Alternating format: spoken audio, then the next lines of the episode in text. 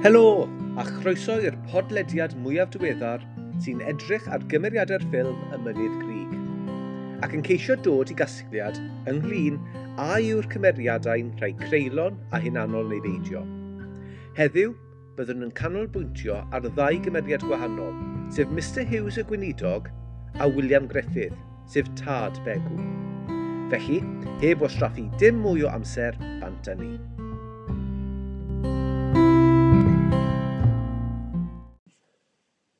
Mae cymeriad Mr Hughes yn ddiddorol am nifer o resymau. I ddechrau, mae fe'n briod gyda Mrs Hughes, ac mae'n amlwg o'r cychwyn cyntaf pwy sy'n gwisgo'r trwsus trosiadol yn ei perthynas. O'i gymharu gyda Mrs Hughes, mae Mr Hughes yn ymddangos yn wan ac yn ddi fflach ac yn ansicr o'i hun. I raddau, mae hyn yn eironig o ystyried ei rôl flaenllaw yn y gymdeithas fel arweinydd ysbrydol o bobl. Wedi dweud hynny, er gweithau statws fel gŵr ysbrydol ac fel dyn diwiol, mae rhai o weithredoedd yn y ffilm yn codi nifer o gwestiynau amdano, a dyna beth ni'n mynd i edrych arno nesaf. Un o'r golygfeydd hyn yw pan fod Will y Fedw, y gŵr ifanc gyda ganawsterau meddyliol, yn ceisio profocio Begw trwy ddweud "Dwi'n gallu gweld rhyw walia" ac yna'n bygwth boddi'r iar neu Betsi Clwc Clwc, fel mae e'n cyfeirio ati. Yn yr olygfa, ni'n gweld Mr Hughes yn rhedeg draw at Will y Fedw sy'n eiste- eistedd ger y pistych dŵr ac yno mae Mr Hughes yn ymosod arno. Wrth iddo fe wneud hyn, mae'r gerddoriaeth ddigowair ac annifyr yn adeiladu at uchafbwynt, ac effaith hyn yw i gynyddu'r tensiwn a naws ddramatig yr olygfa. Yn ogystal â hyn, mae defnydd o'r iaith yn yr olygfa yn bwysig, achos ni'n clywed Mr Hughes yn rhegu at Will ac gan ei alw'n y diawl bach annifyr. Mae rhegfeydd Mr Hughes yn rhywbeth mae pawb yn y gymdeithas yn gwybod amdano, achos mae Robin, brawd Begw, wedi cyfeirio at hyn mewn man arall o'r ffilm. Fodd bynnag, dyma'r tro cyntaf i ni fel gwylwyr i weld yr ochr hyn o Mr Hughes. Y cwestiwn pwysig fan hyn, wrth gwrs, yw pam fod Mr Hughes yn ymddwyn mewn ffordd mor dros ben llestri ac anghristnogol at wil, ife gweithred o greulondeb, a chasineb yw hwn, ar ran Mr Hughes, yn ymosod ar ddyn ifanc sydd heb y ddealltwriaeth i hyd yn oed sylweddoli fod beth mae'n gwneud yn anghywir? Neu oes mwy i'r olygfa na hyn? I ateb y cwestiwn hwn, mae angen i ni ddeall cyflwr meddyliol Mr Hughes mae gan Mr Hughes broblemau meddyliol dwys ac efallai nad yw'n teimlo ei fod yn gallu rhannu y problemau hynny gyda phobl eraill. Wedi'r cyfan, mae pobl y gymuned yn troi at Mr Hughes gyda'i problemau ysbrydol ac emosiynol nhw. Sy'n codi'r cwestiwn, at bwy mae Mr Hughes fod troi ei hunan er mwyn rhannu ei problemau a'r gofidiau sydd gydag e? Mrs Hughes efallai? Dim gobaith cyneri. Prin iawn yw'r cydymdeimlad a'r empathi mae Mrs Hughes yn dangos at unrhyw un, o Begw i wyni i'w gŵr ei hun hyd yn oed. Fi'n siŵr bod chi'n cofio'r olygfa pan mae Begw'n ymweld â'r mans ac yn cael blasu yr Anglesey potatoes. Ac rydyn ni'n clywed Mrs Hughes yn dweud wrth Mr Hughes yn yr olygfa hon, a'r dyfyniad yw Symudwch eich pethau i'r stafell sbar nes i chi ddod at eich coed, da chi'n sal yn eich pen Henry. Mae Mr Hughes felly yn ddyn sydd yn sal iawn ac yn dioddef o iechyd meddwl gwael. Ife dyna felly un o'r rhesymau pam mae e'n gwrthdaro cymaint gyda Willefedw.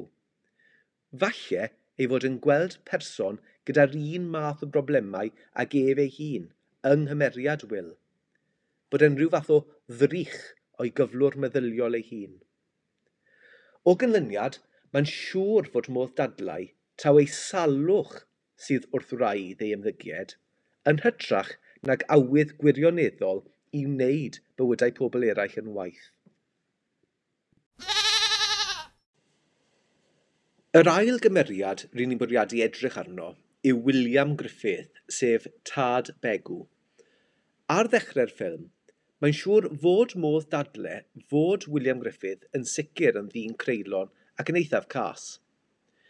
Yn un o'r golygfeidd agoriadol, rydyn ni'n darganfod ei fod wedi boddi cath begw, sgiatan.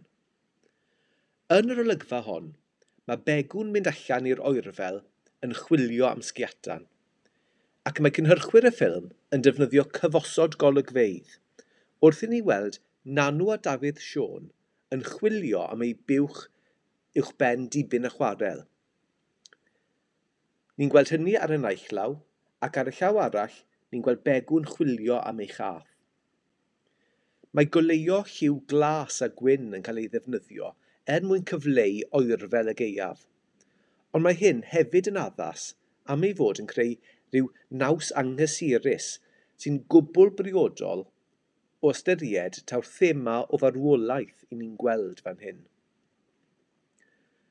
Mae'r olygfa'n adeiladu i uchafbwynt wrth i'r gerddoriaeth ddigywair ni'n clywed gyrraedd rhyw fath o gresiendo, a ni ni'n gweld sgiatan drian wedi rhewi'n gorn mewn padech o ddŵr gyda'i choesau bach yn pwyntio i fyny tua'r nefoedd.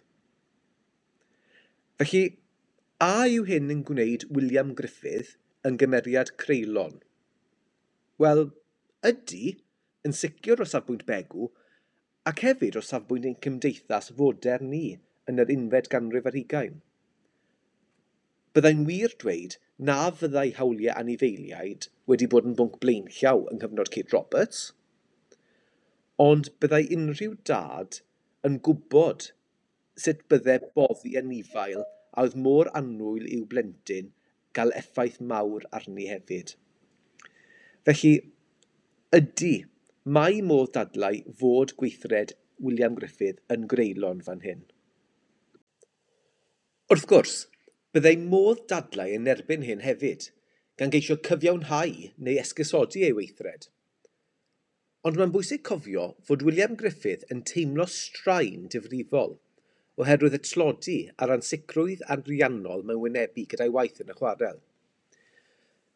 Mae e hefyd yn gwybod bod ganddo ddau o blant eisoes a gwraig sy'n feichio unwaith eto i ofalu ar ei hôl. Ac felly mae fe'n cymryd ei gyfrifoldebau fel tad o ddifri. Dyn ni ddim yn gwybod sut na pham y boddodd e'r gath mewn gwirionedd. Efe gweithred wyllt pan gollodd ei dymer, oedd e? Neu rhywbeth oedd e wedi cynllunio ymlaen llaw? Yn sicr, yr awgrym yn y ffilm yw taw straen bywyd sy'n gyfrifol am y ffaith iddo fe foddi sgiatan. Ac felly, fe gewch chi benderfynu a'i gweithred greulon oedd hon, neu beidio. Ond os ydyn ni rhoi'r un digwyddiad yma i'r naill ochr am y tro, a yw William Griffith yn greulon yn weddill y ffilm neu beidio? Wel, nac ydy, ddim yn gwirionedd. I fod yn onest, mae'n ymddangos fel tad cariadus i Begw a'i brodyr, ac mae'n gwneud ei orau i helpu ei wraig. Rydyn ni hefyd yn ei weld yn ceisio helpu aelodau eraill o'r gymdeithas, ac esiampl o hyn yw pan mae'n llwyddo i berswadio Twm Ffini Hadog i dalu am ddefnydd er mwyn creu ffrog i wini. Mae hyn yn digwydd yn yr olygfa yng nghaban y chwarel, wrth i holl aelodau'r gymdeithas ddod at ei gilydd er mwyn cael dylanwad cadarnhaol ar, ar Twm. Yn yr un modd, pan mae Dafydd Sion ar goll ar ben y mynydd, yn hwyrach yn y ffilm, ymateb greddfol William Griffith yw i fynd allan yn y gwynt a'r oerfel er mwyn chwilio amdano fe. Mae'n sylweddoli pa mor ddifrifol yw'r sefyllfa ac felly mae'n ymddwyn mewn ffordd sydd yn gymwynasgar ac yn garedig. Mae hyn yn amlwg mewn gwrthgyferbyniad llwyr i'r William Griffith rydyn ni'n gweld ar ddechrau'r ffilm, y William Griffith a foddodd sgiatan.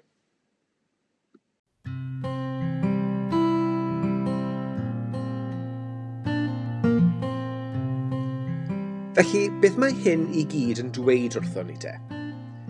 A yw hyn yn dweud bod William Griffith yn gymeriad hunanol a chreulon neu beidio? Wel, efallai bod y gwahanol weithredoedd ni'n gweld yn y ffilm yn gwneud i'w gymeriadau i fod yn llawer mwy credadwy a realistig. Cymysgedd o dda a drwg i ni gyd mewn gwirionedd, mae gyda ni gyd y gallu i fod yn garedig ac mae gyda ni gyd y gallu i fod yn greulon. Efallai hefyd fod amgylchiadau a chaledu bywyd wedi dylanwadu ac effeithio ar William Griffith.